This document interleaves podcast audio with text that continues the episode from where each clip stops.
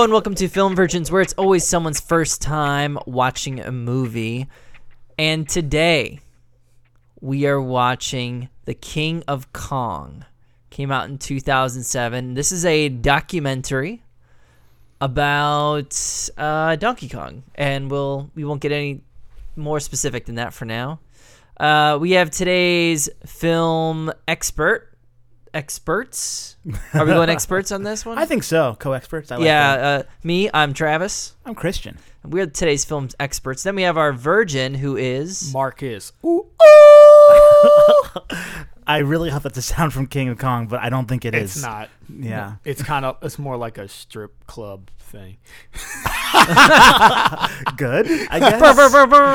yeah, exactly. It's just like bad DJ That's pretty good. sound DJ. bite. All right, so the King of Kong um, is a documentary about Donkey Kong. We said that. Uh, I saw this movie. Uh, I missed it in theaters, but my sister was living in Chicago at the time, back in uh, 2007, and she kn- knew that I was a big nerd, and I was like, "You got to see this documentary." She probably heard about it on NPR or something, and then went to watch it at some cool hip indie theater that shows cool shit in Chicago. Um, and so I kept my eye on the theater listings here, and it, it never came. So I had to wait until it came out on DVD. Uh, and I just went ahead and bought it just because I saw the trailer, and it's just like, I think I'm gonna love this movie. And I really do love this movie. I I bought it just so that I could make other people watch it. It's one of those movies, and uh, it spoke to me in a big way. I think it's a really great underdog story and I think it's engaging, or at least it was. I haven't seen it in like eight years, so I guess we'll see if it holds up, if it's or if it's just uh, derivative garbage. I don't know. It's been out that long. 2007, yeah. 2000. Wow. Okay. I thought it was younger than that. Nah, man, I was like 19. I was like, this is documentaries. Documentaries are cool now. This led me into like uh, watch to watch American movie, and that's another kind of quirky character-driven documentary. Um, there's a few others that this led me down, but uh, I don't think any that I went and saw because I like this one. I, I can't think of any documentaries that I liked more than this one. So Travis mentioned obviously documentary, first documentary that we've watched here in Film Virgins. Um, we've watched some that are loosely based on real activities, like The Revenant, and ones that are more closely based on real activities, like Quiz Show, where it's close enough to get people butthurt about the differences. And We've also seen a mockumentary. That's true. That's true. Yes. Which is probably Spinal the Tap. farthest from well, furthest from real events. Um, Based on real culture, kind of. yeah, based very loosely on the Rolling Stones. Yeah, yeah, yeah. yeah. Um, but uh, Travis actually introduced me to this probably around 2007, 2008, um, after he watched it, and uh, yeah, it's I really enjoyed it. Um, definitely curious to see whether it holds up. I do have some concerns going in, but I don't want to bias Marcus, uh, so I'd rather wait for him to see it, and then I'll tell you the things that I'm Oh, concerned man. about. I'm getting excited now. I'm more excited about these concerns. the than- concerns, mild concerns. You know what? I think I'm going to enjoy it again. These are these are minor nitpicky things. Oh, okay. but we'll go into that later. What do you What do you think about it? Like, what do you know about King of Kong going into it? King of Kong. Um, I know only from you guys telling me that King of Kong was in the news recently. Um, this being um, for posterity. This being uh, February 2018. Um, and it has something to do with like this dude with long straight hair that looks like a total douche, like him getting him getting called out on his high score record being in like 1.062 million points or something like that. Like basically the dispute is like the he arrived at that record using MAME emulator or supposedly maybe he did maybe he didn't who knows so that's the controversy because if he used the emulator instead of the arcade hardware that's no go. And I'm not. I know. I know nothing about this culture, so I don't really understand what the big deal is. But I guess emulators, I guess, just play different differently than the original, the OG shit. So, but yeah, only I think the first time I heard anything about this movie was maybe back in like 2012 or 11, and some coworkers of mine were saying that they asked me if I ever saw it, and I said no, and they were like, "You should watch it. It's great." And I'm like, "It's a documentary." I'm like, "Ah, okay," but I don't really watch documentaries because I like fake things more than real life most of the time. like, like I'm always telling myself, "Oh, I need to read more nonfiction," but then like I see a fantasy book or I read some manga instead because I like swords and magic and like fake overpowered guns that blow people into bits. I don't know. So I don't know a lot about it, um, but I, I'm kind of interested to see it because people that I trust, you you guys included, um, have told me that like it's good and it's worth watching. So I'm excited because this is probably the only way I'm gonna watch it is if friends make me. I'm gonna hold off on most of the uh, the talk about emulators and uh, veracity of scores because the documentary actually covers some of this. Okay, cool. Um, but I'll, I'll just say the most egregious claim here with the emulator is really that he actually pieced together different runs, save the state, and would start over if he died, start back over at the last good place. That is a very very egregious. Yeah, that's bad. Yeah, that's that's just straight cheating. That's not like manipulating anything so you can get a better score. That's just being evil. All right, well, let's go watch the movie. All right, welcome back. We just finished watching The King of Kong, A Fistful of Quarters. Yeah. Uh, and a little background. So this, well, I guess, I guess I already kind of gave the background. Uh, it's directed by Seth Gordon, who's actually made a couple of uh, live action films. I don't think he's made any documentaries really since. He's he made the Horrible Bosses movie. He directed the Baywatch movie that bombed this year. And uh, I know at one time there was a uh, film adaptation of this documentary in the works with Johnny Depp as Billy Mitchell. Oh, Yeah, that, that was a thing at one time. That might have just been like rumors, but I remember reading that a long time ago. Um, but we just watched a movie in, in Christian. What what is the plot of the King of Kong? Okay, King of Kong is about a nerd, Steve Wiebe, who just got laid off and has nothing better to do than ignore his family and play Donkey Kong.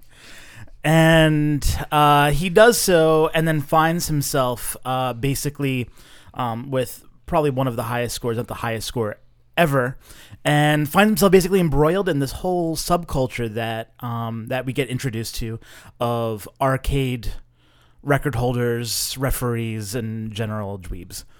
And uh, he fights to have his score accepted and then uh, engages in several in person challenges to uh, prove himself to the group. Um, yeah. And so it's it all centers around basically a challenge between him and the previous record holder, Billy Mitchell, um, who makes hot sauce. I really love this movie on a rewatch. Um, this documentary actually, uh, as I thought about it over the intervening years since I've seen it last, um, I I started to feel like maybe it was a hatchet job, and it kind of diminished the documentary in my mind. Um, and this is what I want to talk about, where I, I really think that they had a huge axe to grind against this community and against Billy Mitchell in, in particular. Um, that being said, uh, watching it tonight, I remembered why I liked it so much. There's a lot to love about it, and as far as hatchet jobs go, it's pretty wonderful uh, because it really makes them all look like absolute assholes. And when I say all of them, I mean everyone in that that arcade game subculture, um, including and particularly Billy Mitchell. Uh, and the rest of them, I think they could sense the hatchet job coming, and they like they they backpedaled as hard as they could. Particularly like Walter Day, you know, he always seemed like an okay person, but you know the formal apology and you know actively uh, re- requesting videos from Steve Wiebe, and it was all very touching. Billy Mitchell, no such moment. Lots of cameras peeking around corners, watching him brush his hair. I mean, it was it was definitely a very one side documentary, uh, For sure. but but it was really fun. I loved it this time around. So just because I'm kind of dumb, hatchet job just means like it's kind of a smear. Oh yeah. Sort of. Oh Gotcha. yeah. Yeah. Exactly. Yeah, uh, there's a lot of choice editing in this. I mean, it's and you can read for hours and hours about conjecture between the events of this movie. Like I don't even think the producers would really they I mean they don't there's no illusions about yeah, we we cut a lot of stuff out or that didn't happen that happened but we left it just to simplify the story. Like at the end of the day, it is a documentary, but it's a story just told via true life events. And when you're creating a story, you know, you you leave things in, you cut things out, and th- this movie's no different than any other film that might be made or story that might be crafted. It's it's not just a story; it's the narrative. Yeah, right. Yeah. Th- this has more in common with the Olympics than anything else that we've watched. This is the Olympics. They find someone to root for. They tell their narrative. They spin it however they want. They try to create challenges, made up or otherwise, so you can root for them. And you know. Uh, where where emotion has purchase, where it's like, oh, his trials and tribulations somehow give his score more credibility, and it's it's exactly it's just like the Olympics in that regard. Do either of you, having watched this movie more than once, feel that um, it was? I guess how egregious do you feel the representation was false, if at all? So and and especially as like somebody who edits, like I, I've been noticing more. There's a lot of there's a lot of phone calls that could easily be doctored throughout this film that I, I became very suspect on this viewing uh, and not on previous viewings. Um, I was much younger and hadn't even started making dumb little side film projects before, so I didn't notice that before. But there's there's that. There are choice side cuts or even like peeking into a bathroom, Yeah. which are a bit suspect. But at the same time, you also have people just on the record saying things, and some of the things that people say in context, out of context, it doesn't fucking matter. It's ridiculous and makes them look like the biggest douchebags in the world right. and then yeah i mean so i definitely think there is a hatchet job at work and the hatchet job in the name of of strong narrative which is i think this movie definitely has but at the same time the villains don't do themselves any favors in this in terms of their actual actions and the fact that they are a part of this certain type of fraternity that definitely has its chosen winners and is incentivized to have certain people uh, succeed and other people not. Like all those are true, and a film can't really even ex- exaggerate those more than they already are. A hundred percent agree. I I would say I am unconvinced that the narrative it told was untrue. It could very well be true. It just this was unbecoming of a documentary, Right. in my opinion. the The narrative was too much. Uh, but in terms of it, it isn't really a documentary in my mind anymore. I, I don't think it deserves the moniker. Yeah, I guess it's more of a I don't even know what to call it, a platform of advocacy almost. Like at the end of the movie, I wouldn't have been surprised if it would have had a line like to support Steve Wiebe and his family, call one eight hundred fuck Billy or whatever. Some random numbers, Marcus. The last few don't even count, but you still dial them in just to finish off the Yeah, exactly. the L Exactly. the L Y. yeah. Yeah. I mean, I, I would say it'd be like calling Survivor a documentary, Right. Right. It has a reality show flair to it, where you know the the bathroom confessionals and you know mm-hmm. Do you feel like even but did you feel like you had a realistic and I'm not saying truly real, a realistic, a close approximation of each person's character? Yes or no? The main characters in this. So we have Steve Wiebe, Walter Day, Billy Mitchell, then you've got some side players. You've got like Brian Kuh and uh I think is There's Steve Roy, Saunders. Roy is in there for a second. Yeah, was it Mr. Fantastic? Roy, what's his name? I don't know. Mr. Awesome. Mr. Awesome. Yeah, Roy Steels. I think it was his last name. Crap, I can't remember. But do or, you, do or you- the the one guy that's like, I watch eighty tapes. right? Like that guy. The- do you feel like you get uh, two hour, two day nibbler performance. Yeah, that was. Oh my I god, that, I, that. we can go back to that. I, yeah, that do was you, great. Do you feel like you have an approximation of their characters, Well- as in like people. Well, as a first time viewer who definitely was captured by the narrative and didn't even think that much about like, oh, how much of this was, you know, skewed due to the editing or what have you. Um like part of me wondered in the beginning like like if they were hamming it up a little bit or coached to ham it up a little bit because when the movie starts it's like this is more mockumentary feeling than Spinal Tap was. Like these dudes were so stereotypically dweeby, like Christian said, that it was like I was even tempted to just go nerd. and this is a dude that like dresses up at anime conventions and I like love fantasy novels and I will get into an argument with you about like which character would beat which character in another universe or blah blah blah. Like I'm I'm I'm I'm a nerd. I'm a nerd. Like give me wedgies. I'll do it all day. But these dudes they even made me feel like a jock. And I'm just like, God, like there's no way. Like there is no way that these dudes are this nerdy. But then I think about it and I'm like, who's gonna be in the retro classic arcade cabinet video games this much? People that are like that. Like Well, th- like that's what you would expect to find. So towards the middle of the movie where they kind of got rid of the ham and some of the ridiculous things that these people were saying, you know, trying to compare it to decathlons and stuff like that. Like once they kind of got past that initial barrier of the movie, it all felt a little more genuine to me. Especially, you know, basically the hero, the protagonist of the documentary, if we can call it that, Steve, he seemed more straight up than anybody because that dude has zero personality. He really like so either they told him to just hey be really boring, or it was really really it was really him, and Right. it's just like yeah that seems like a real dude to me. and that's kind of what I'm getting at is the events of the film I think are spurious at best. Their order in Yeah. in which they happen, I think, are probably not realistic at all.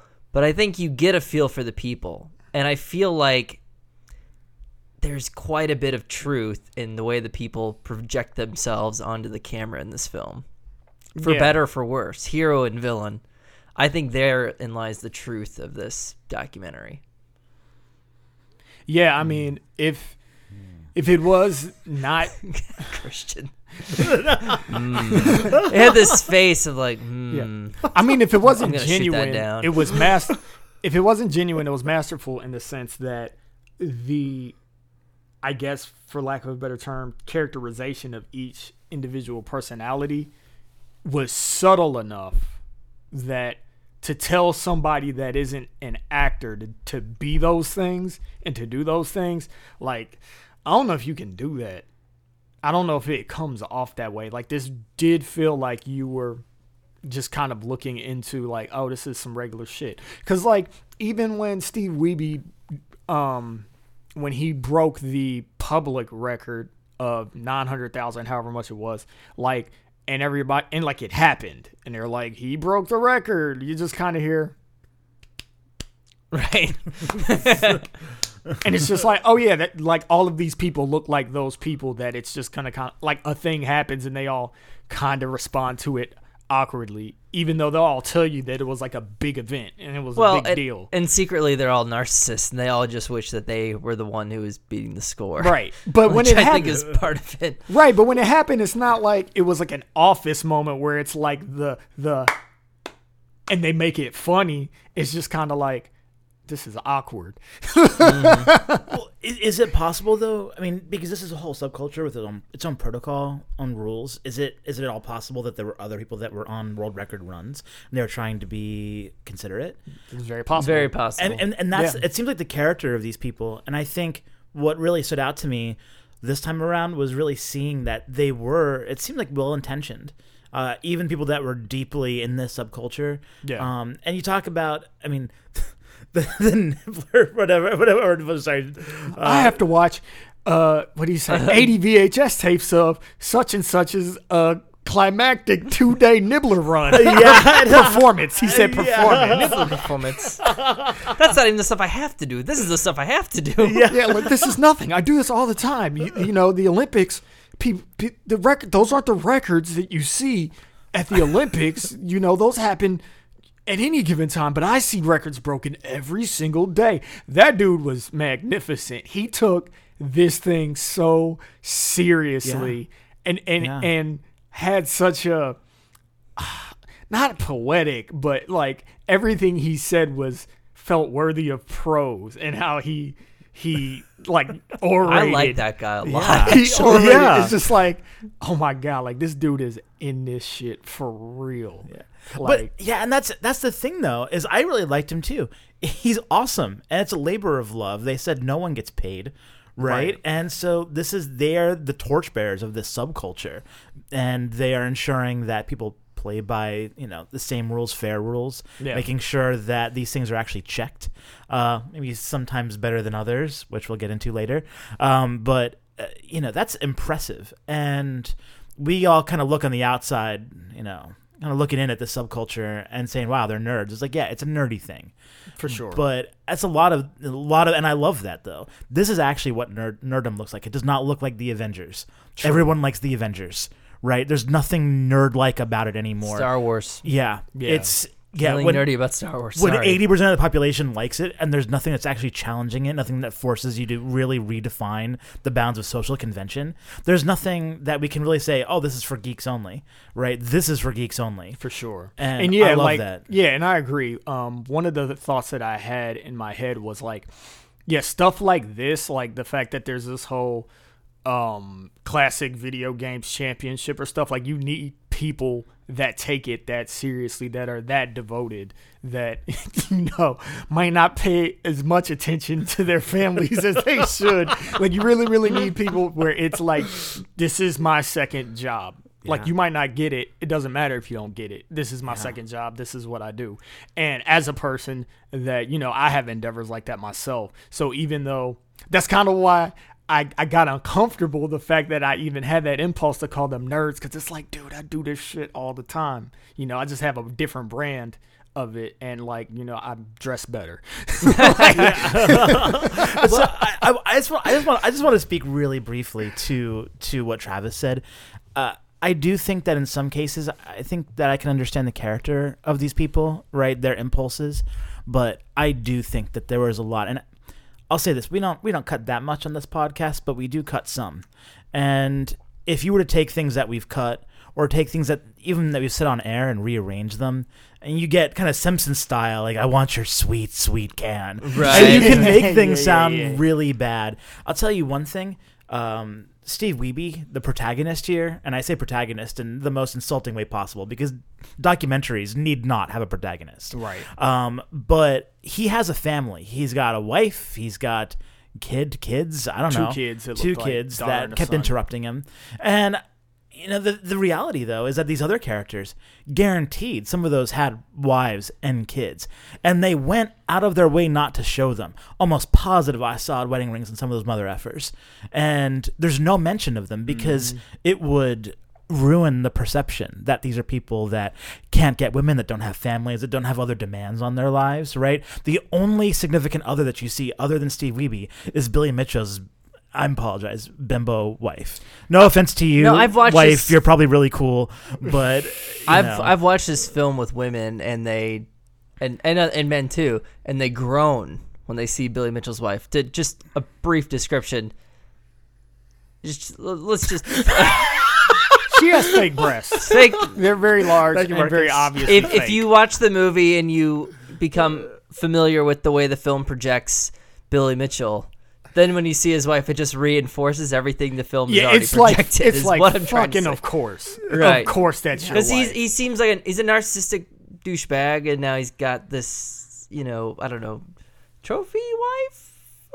Trophy's I not the word. yeah, I don't. The problem is, is I as. Chris, as Christian said, the problem is, is like you don't ever really get a real look at what their relationship is like or what her personality is like. So she's almost unfairly kind of thrust into this position as being seen as a trophy wife because only time you see her is he's guiding her around the um the uh what was it Dodge was, uh, City Yeah, it was was like the, Dodge final City, like final. Uh, sh- Yeah, like he's guiding her around. She's just kind of like like "Eh, I'm the good wife, you know, I'm just here. Hey guys, they show they have like a personal confessional moment with her like once or twice, and it's basically like like my husband never competed in public. You know, it's only only words come out of her mouth kind of support the narrative that like you know Billy's bad, Steve is good. Which may be the case, who knows? But like Christian says, and like we'll probably keep on saying, it's not really the goal of a good documentary. No, no, no. Um. So yeah, it's like I would uh, I would have liked to see how she really is to really accurately determine whether or not she's a trophy wife. But she was definitely portrayed as one for sure.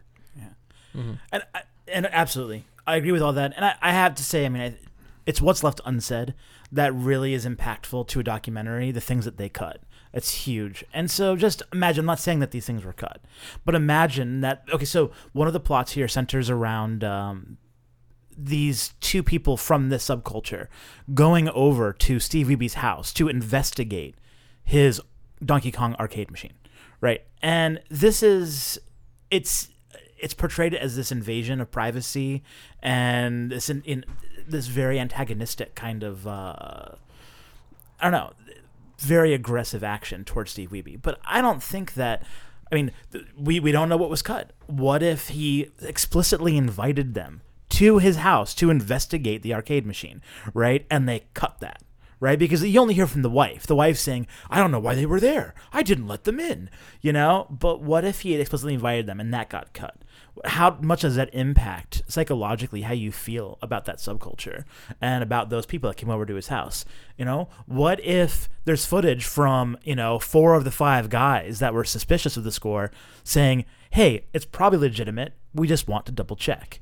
Right? And they cut all that, right? And what if some of these geekier fellas, what if they had very long uh, sentences, paragraphs, whatever, of eloquence where they talk very normally, and then they, for irony's sake, break into some geek talk for a little bit, and they only cut the geeky stuff, right? It really makes a huge difference. How That's you, true. It, you know, it's Yeah. it's really hard to say how much a documentary. It's hour and twenty minutes, hour and thirty minutes max right? They might get 10 hours of footage, 12, you know, 20, 30, I don't know, 100 hours. Travis, you tell us. But 300 hours of film. 300 hours. Wow. So you looked this up. Yeah. 300 hours of film. So that's how much is unsaid. There's a lot of narrative in there that doesn't necessarily jive with the message they're trying to send. That, you know, it tells a different story and we don't have it. Uh, one big thing actually is um, uh, in in this movie they uh, they show that a big plot point because I want to try and keep it less in the conjecture and more in the film itself. Uh, during the movie at the fun spot where Steve Wiebe gets the the big record for the first time in live in person, and then they show up with the videotape. Um, and they did put those scores online, so they put Billy Mitchell's videotape with the blurry footage in the top left. Uh, that was online, but only for like two days, and they took it down and put Steve Wiebe's up.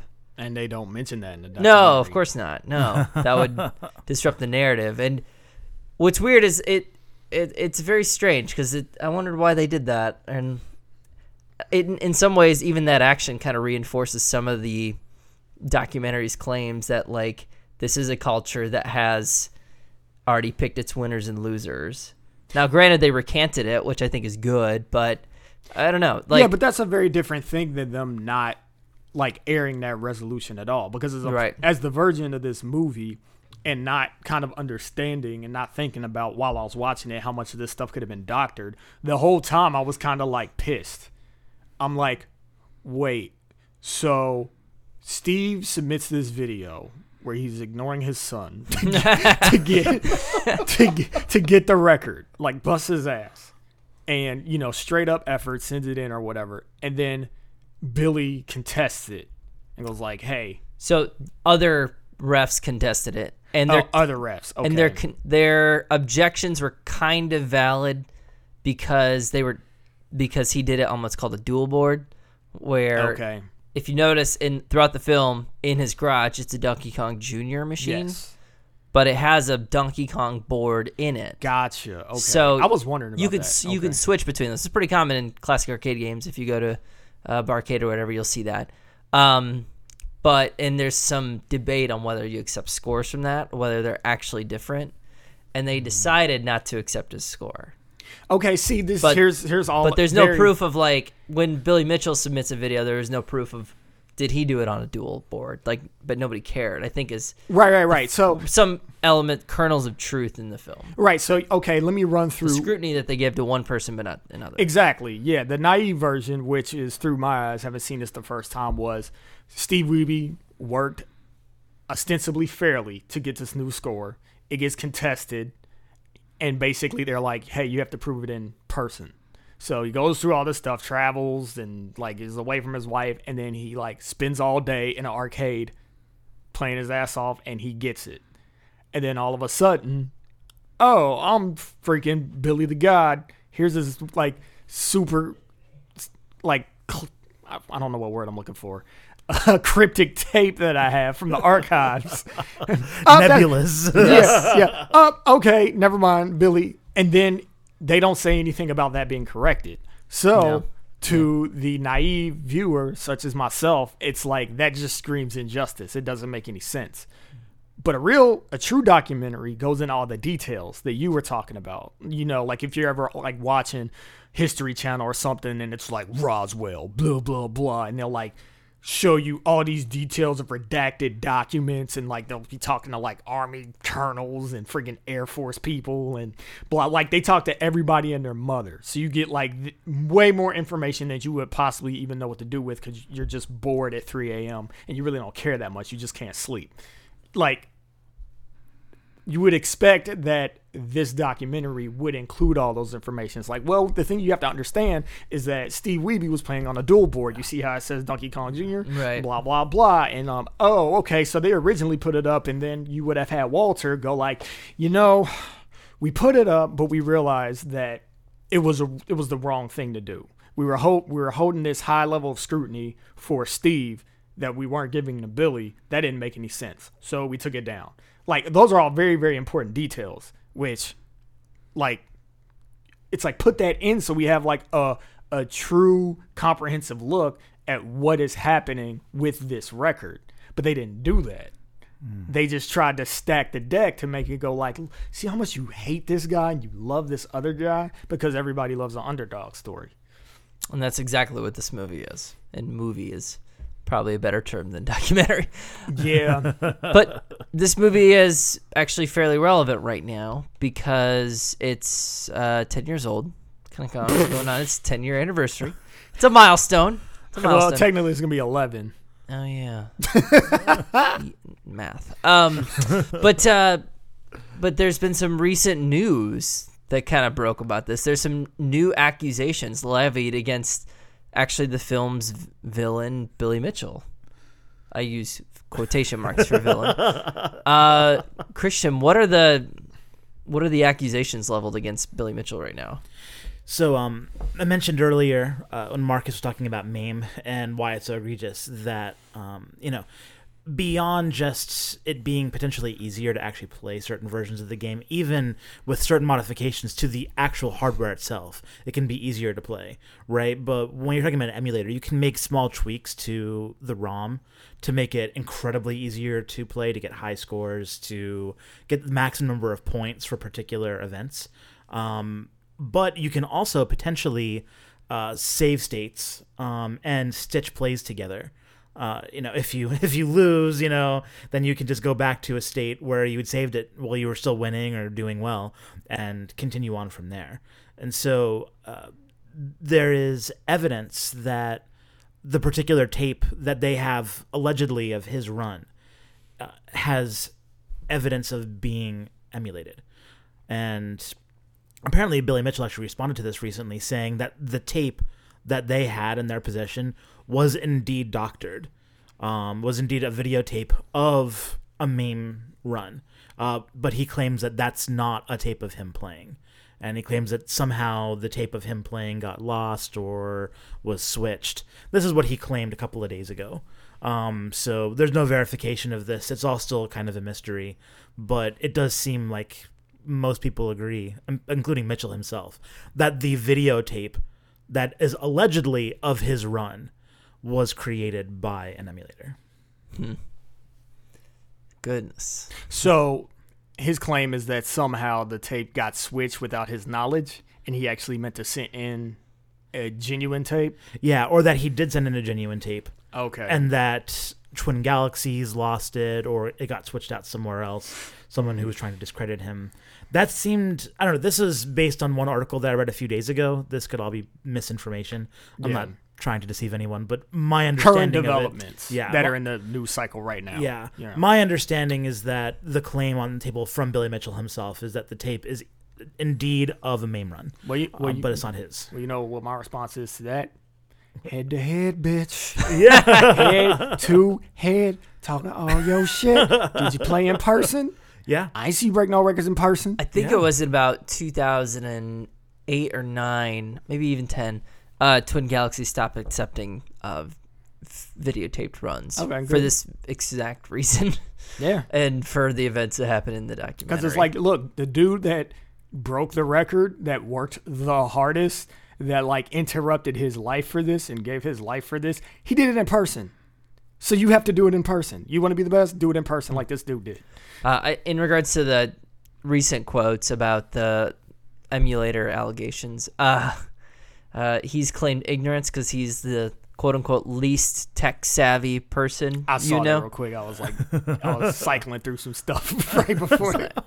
It's just like this is the worst plea plea of ignorance. I don't know. Like, I'm an idiot. I couldn't do this. God, what a tool. Dude is just a tool. I, come on, like wh- where you at with this, Christian? You gotta you gonna make a judgment on him, or you gonna you gonna let that comment stand that the tapes got switched and he he doesn't know anything about no technology. Here's here's my uh here's my feeling on it.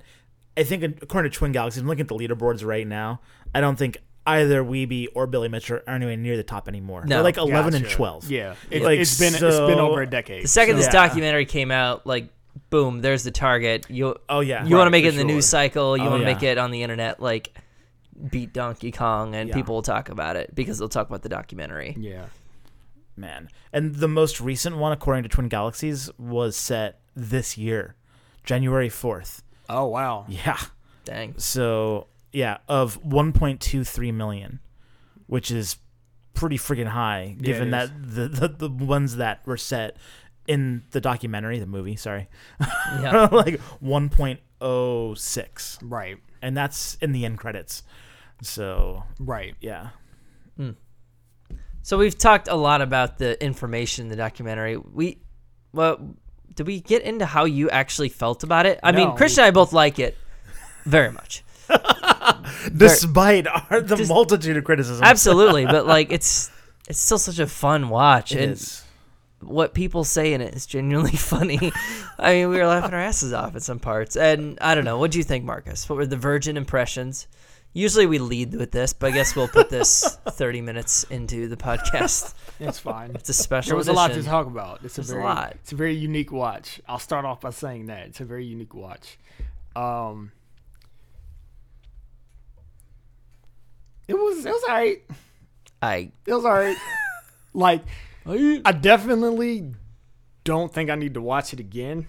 It's one of those things that, like, even though it didn't necessarily like scratch a particular inch, it's kind of cool that I've seen it. So now I have exposure to a culture that I didn't really know existed before. I'd probably be better off not knowing that Billy Mitchell is out there somewhere being a buffalo chicken wing douche. But but I mean overall like it's it's one of those things I chalk up to like, okay, that's a, a different experience. I've never really seen anything like this before. Um I think I think part of the problem for me to not really, really like it is the fact that like it straddles that line between being a documentary and a movie. And it's like I don't watch many documentaries, so honestly, I don't have like a really good feel of how to even rate something that would be a documentary. I don't know what makes something a great documentary what make other like differentiate it from what makes a great movie because like I can watch a documentary and have like all the great feels about it all I want to, but like if it's a bunch of misinformation, is it a good documentary? You know what I mean? Like so it's so it's kind of hard for me to judge. All I can go on is my enjoyment level and it was just kind of like this quirky thing where like there were hidden gems throughout were just like stereotypical stereotypically nerdy looking dudes are saying stereotypically hilarious nerdy stuff. And it's like that's a person? I didn't know that was a person. I thought that was a character that people made up. It's like no there's like a real dude that's like that out there. So so yeah i don't know. It was it was interesting. It was fun. I had fun watching it with y'all laughing about it with y'all. I feel kind of bad though because it's just like it does make me question like my nerd ranking because it's like I just want to go nerd. It's just like no, that's against everything I stand for. I like nerds. I like nerds. I aspire to be more nerdy. See, I, I talked earlier about like just feeling like there were some true representations of people, and that's probably the only reason I feel that way. Is because I feel like I've met so many people in this. Like I have met so many people that act in the same way.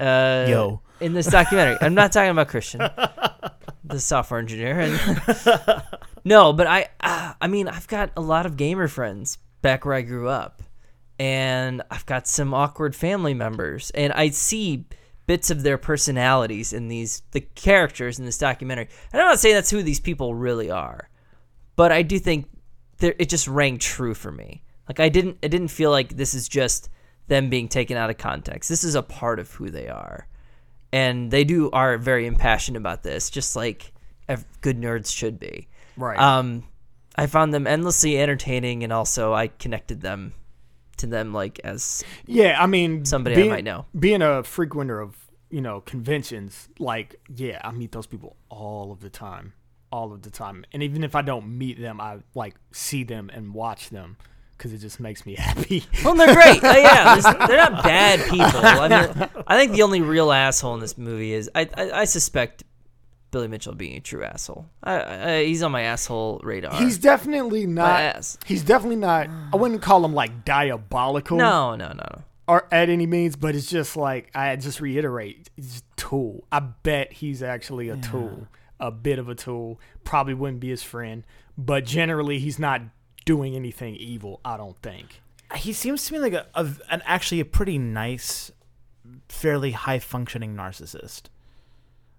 Yeah, even his narcissism, it was just a little bit like, ugh. like it wasn't, it wasn't like Trump level or, or anything No. like that. You know, it's just kind of like, oh, he he thinks pretty highly of himself.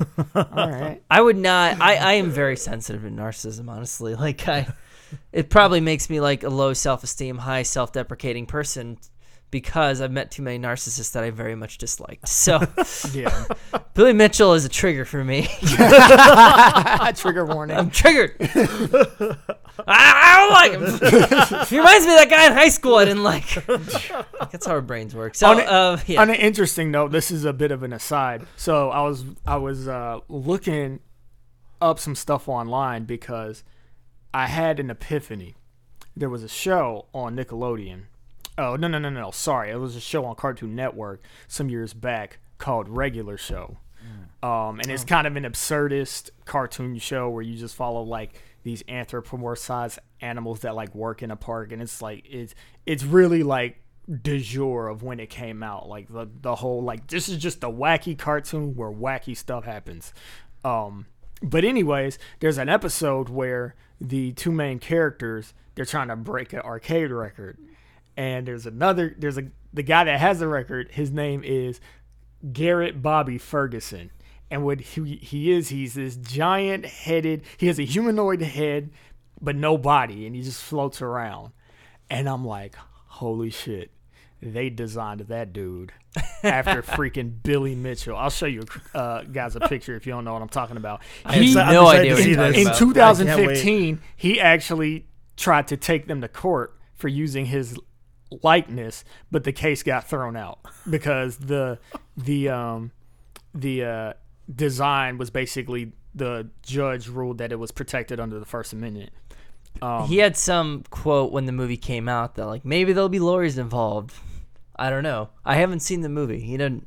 He didn't watch the movie, so people were coming to him and being like, "Well, what do you think of the movie?" And he's like, "I don't know. I haven't seen it. maybe there'll be lawyers if it's if it's that bad though." so that's like, that's him. That's the oh, that's completely him.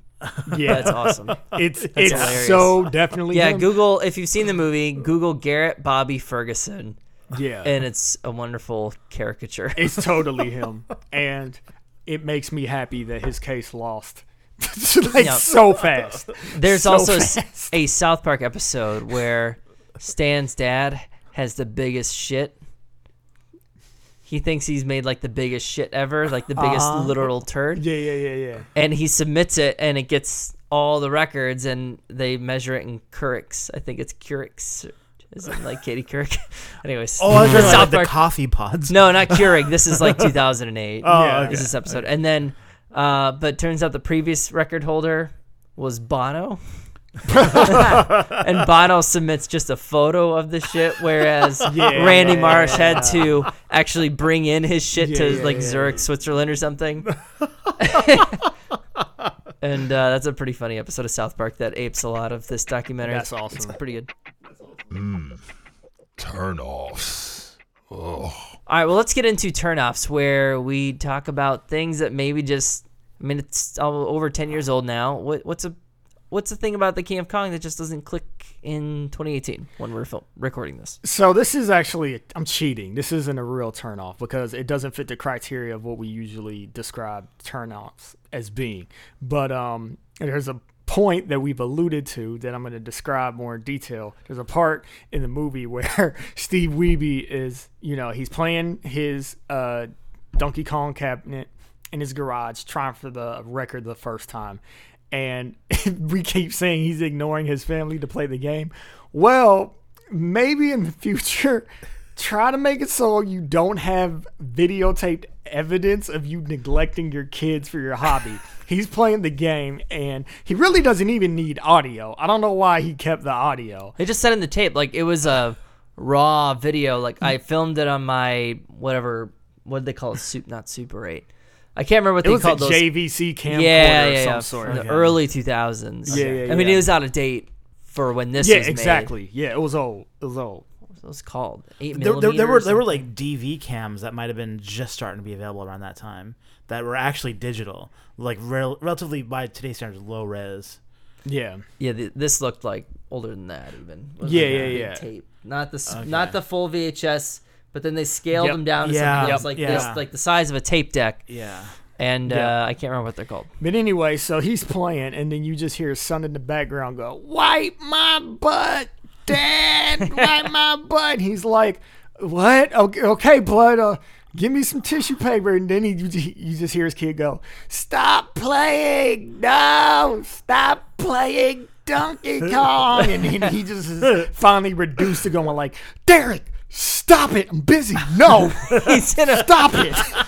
I'm in a record run, man. Stop playing Donkey Kong. And I wish I was exaggerating. Like it, his kid sounded worse than that. I'm actually like being very generous with my imitation of what the kid was doing. Just imagine what his wife was thinking in that moment. Exactly. Oh, and then there was an awesome moment where, um, you know, they show him and his family riding in the car, and then him and his daughter they're in the van, and he's like looking through the Guinness Book of World Records, and his daughter's like, I didn't know that the Guinness Book was so important. He's like, Yeah, a lot of people read this book, I think. And then she goes, Yeah, I think a lot of people ruin their lives to get in there.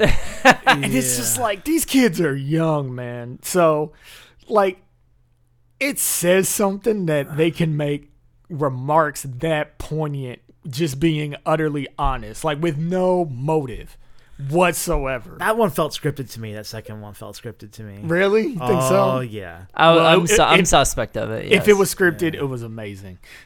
At least for the sense of making a movie. It was Yeah. amazing. Yeah. All right, I'll do my turnoffs, but you've already heard them. I think it's a hatchet job. Final answer. I don't know.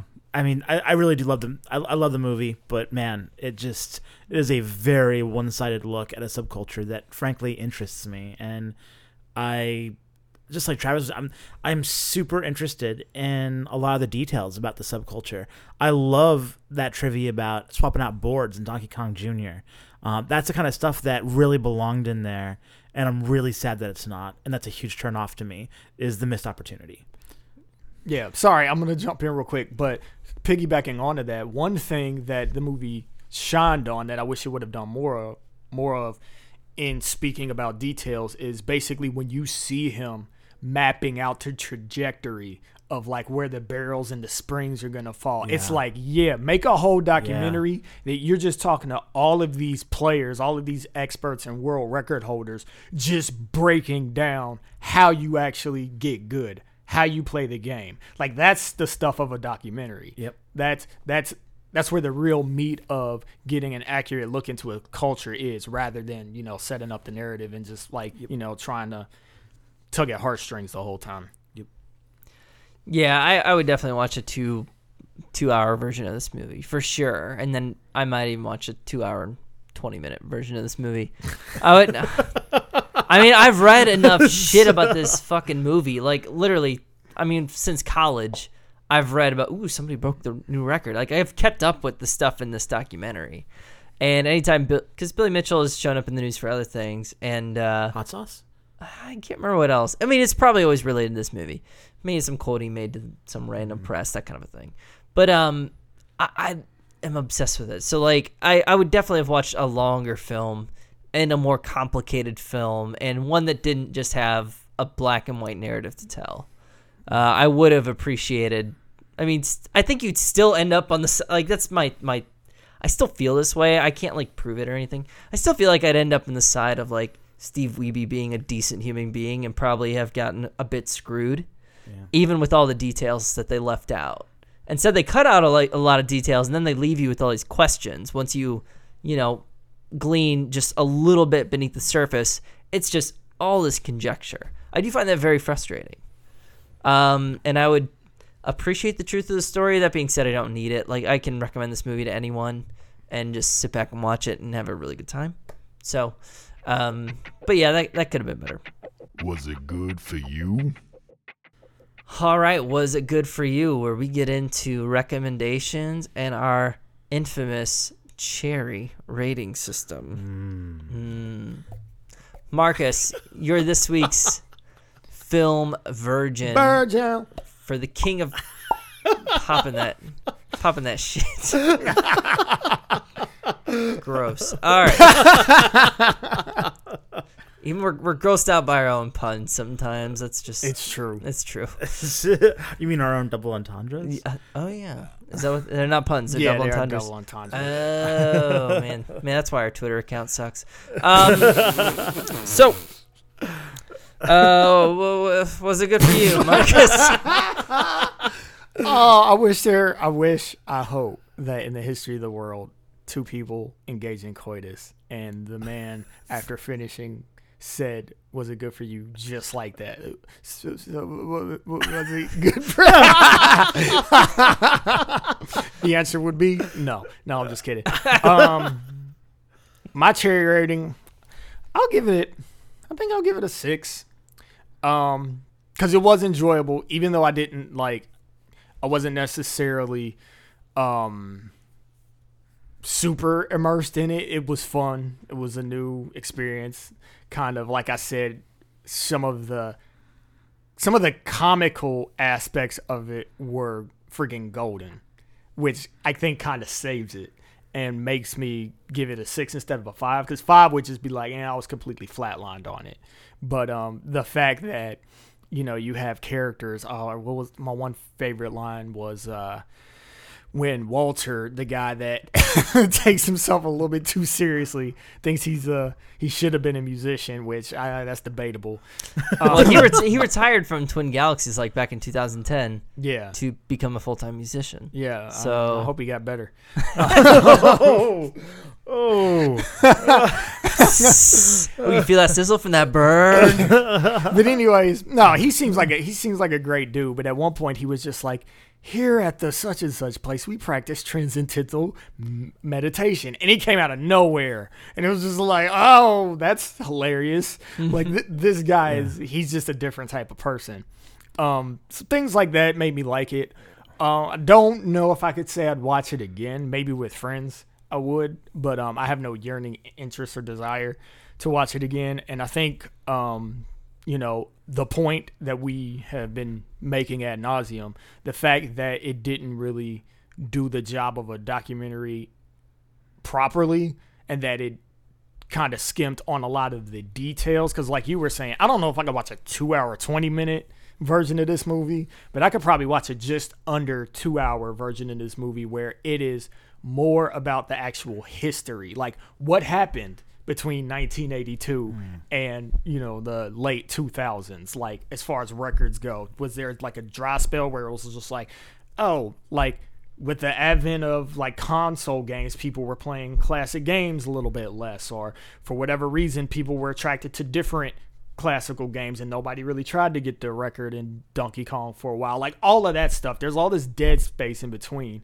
that I really really really would have liked to know about, you know, even if they talk to the people that originally manufactured the cabinets or things like that. Like that's the kind of stuff that I feel like is makes a documentary have a little bit more weight and makes you feel that like walking away from it that you actually learned something. Cuz I don't know if I learned anything from this more so that I was just kind of like, "Oh, I was exposed to a group of people that do this thing." Um so so yeah, and as far as recommendations go, honestly, if you like retro games, that's probably the only people that I'd recommend this to. If you're into that, specifically if you're into Donkey Kong and you care about world records, you know, if you're the type of person that watches people, um, you know, try to break records on Mario or whatever else, you'll probably like this because you're obsessed with. What if you're like idea. a Twitch user? I think that's the thing that I'm thinking of, but I'm just so out of touch with games that I don't know what it's called. Yeah, that's the live streaming platform. There you go. Yeah. If you like Twitch, then you'll probably like King of Kong. So uh, I'm actually it's weird. I'm expert. I'm gonna actually go even a little lower. Uh, I'm gonna go to five. I actually really like this movie, and five actually for me is not super low. That's what I gave Payback. I, I like a five. Um, this has a lot of stuff that I absolutely love. I adore the sense of humor in this, uh, and I just I love the ride. But man, the the bias is egregious, so it really slams it down for me. So yeah, five cherries for me. Um, yeah, to, to the point about so recommendations. Um, I, I have to agree. So the Twitch thing, but only specific Twitch people. So uh, there's kind of the subculture on Twitch of just new games. Like, hey, I'm gonna watch whatever most recent. I don't know. Uh, I don't know. I don't know. League of Legends a thing. I don't know. But watching basically uh, uh, new games, new RPGs, new uh, strategy. You know, watch you know StarCraft two matches. Those are not people that would be interested in this. Uh, we're talking about people that are interested in say speed runs of Link to the Past, right? or you know, or other you know older games from that era. And even there, this is this is a good uh, decade or more older than that even. So it's a very particular target audience. I'd also recommend this to anyone who thinks of themselves as a nerd, and if anything, as a litmus test to say, are you really a nerd? This is what it looks like to be an actual nerd. Like, are you sure? Uh, so anyway, that's all I got. I just gotta say, I agree with that one. Yeah, 100%. I completely agree with that. um, so I would probably actually. Oh man. Uh, I'll go a little higher. I, I am a sucker for the underdog narrative, as as much of a farce as it may be, and it is a farce. Like I don't, I have no illusions about that. But I do really love this movie for some reason, and I think it is just it, it does tug at your heartstrings. And that's fine. That's what i go to movies for. And it that does not make for a good documentary. It makes for a good narrative and a good film. And i think this movie is that. I'm going with a seven. Seven cherries. And I would recommend this movie to. I mean, I've recommended this movie to people who like actively dislike documentaries who have no interest in games. This is a movie I've recommended for a long, a long time, and I, I would continue to recommend it. I think it, um, might be a little slow for some people in some parts, and it's also of a subject matter that isn't quite as heavy and might be tougher with some people to latch onto um, in the world of like making a murder and serial. Like these are the the big documentaries lately. Uh, like the true crime stuff is huge right now, um, and so this subject matter might not gain you know every piece of the modern audience, but if you like an underdog story, I think this movie will get your attention. And I do think there's some genuinely funny moments. I think there's some real human moments. There's definitely some editing that is suspect, but if you're just along for the ride, I think there's a lot to enjoy here. And it's made me a actual fan of playing Donkey Kong. Whenever I'm at the uh, barcade, I go right to the Donkey Kong machine, and I can usually get the best score in the day. That fucking spring level crushes me every time. I think past the spring level, I know I'm doing well. Hey, what was your high score? Oh, like fifteen thousand. Okay, okay, I okay, know. Okay, it's yeah. It's nothing compared to the millions these guys score. I've never seen a kill screen, but um, yeah. So uh, I'd say go watch it. D- definitely watch it over um, Gamer, starring Gerard Butler and Oh, Michael C. Hall. Is Gerard Butler in that movie? I don't yeah, know. it's Gerard Butler. That movie was terrible. pulled that movie out of my ass. I don't know. it's one of the better video game movies. So uh, at a five, six, and seven, this averaged out to a six. Uh, this is tied for number ten with Spinal Tap, um, just behind Payback at six point three, and just ahead of Speed Racer at five point seven. Bullshit. Time for a quickie. I actually got a chance to watch Phantom Thread with Travis, uh, and I love it. Honestly, absolutely love it. It is written, directed by Paul Thomas Anderson, stars Daniel Day Lewis, among other really great cast members that names I can't remember. Sorry. Um, I believe it was uh, scored by Jonny Greenwood. I'll double check that. Um, but I, I thoroughly, thoroughly enjoyed it. I thought it was funny, um, and it was also dark, and it really was kind of an insight into a particular subculture, and it, you know, about a topic that interests me not at all, women's fashion, basically, and yet I was enthralled the entire time. And I think that's really the sign to me of a great director to really bring me into that world and show me around and make me interested in something that I had no interest in. Mm, Kind of the king of Kong of women's fashion, I guess. Mm, mm. it's kind of like you know, it's kind of like um, snuff film. You know, not not really Whoa. interested in it, but saw one. They re- this none of this is true. Whoa! I'm like, I'm like, how is You this? can't even look away. close? Yes. I'm right with you. Somehow I was compelled, even though every fiber of my being told me to stop uh, watching and call the police. Oh, okay. Quickie over. You lose quickie privileges. Yeah, just kidding. I I say no to snuff. You got him back. That's Marcus's PSA. Say no to snuff, audience. Okay, um, seriously though. Uh, so mine's weird because I'm going on. This is for my anime people, for my fringe people that love the uh, Japanese animation. Um, been watching a series recently called Kakegurui. I think I'm saying that right. Came out last year, and basically I like it because it's one of those anime that takes place in a high school, which like 90% of anime do, so I'm tired of it most of the time. But this one has a really, really weird, interesting premise. Basically, it follows this academy that's a private school, and the student body is basically made up of sons and daughters of like businessmen, political officials, basically, you know, people of influence within Japan. And since that's the case, all of these kids are loaded And so, kind of what determines the pecking order in this school isn't really like what you do extracurricularly, whether you're in sports or whatever, or whether or not you get good grades. Like, all of that stuff is like second fiddle to kind of what the school is known for by the people that go there, and it's gambling.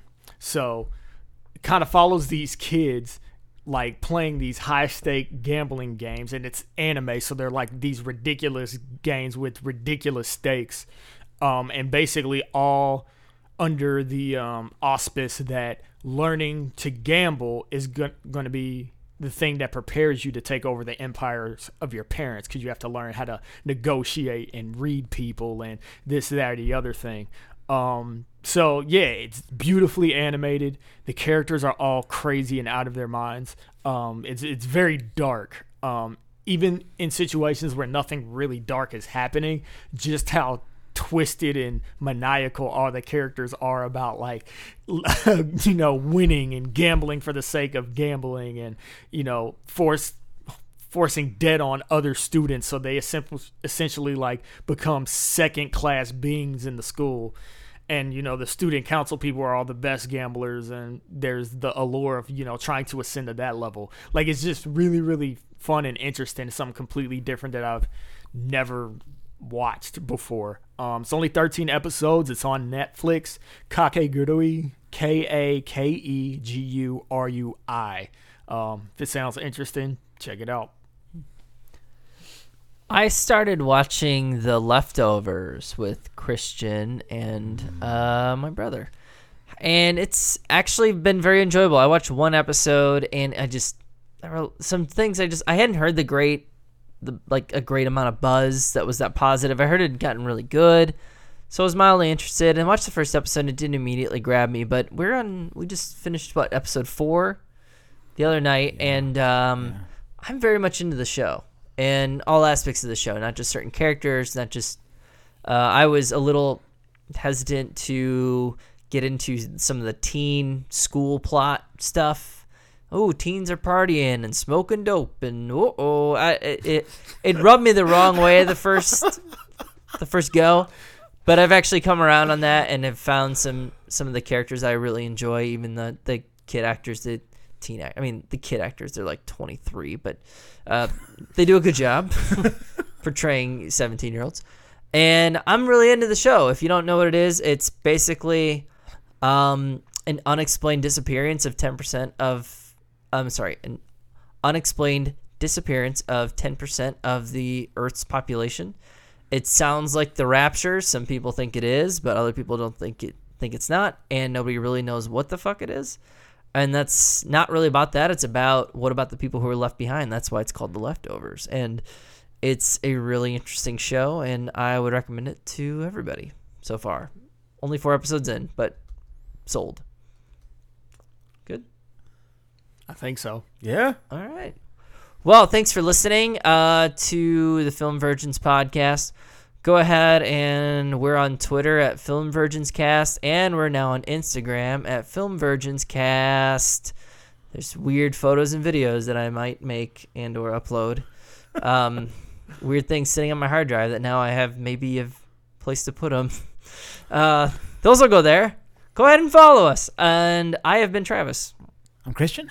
I've been marcus All right, come next week for more sexy movie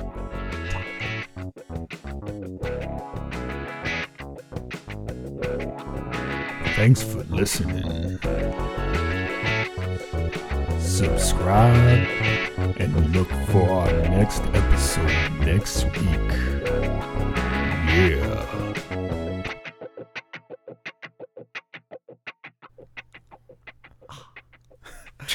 If you if you want, just say just say like unexplained disappearance of two percent of the world population. Fuck. Yeah. Just just say now and you can cut in. Unexplained 2% of the world's population. Punch it in.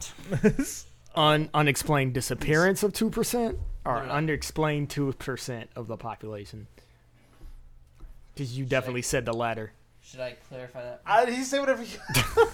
you got it. You got it. Say whatever. I'll just be, put myself talking to my computer. Like two percent, I think my disappearance of two percent. two percent. It was definitely two. I thought it was ten.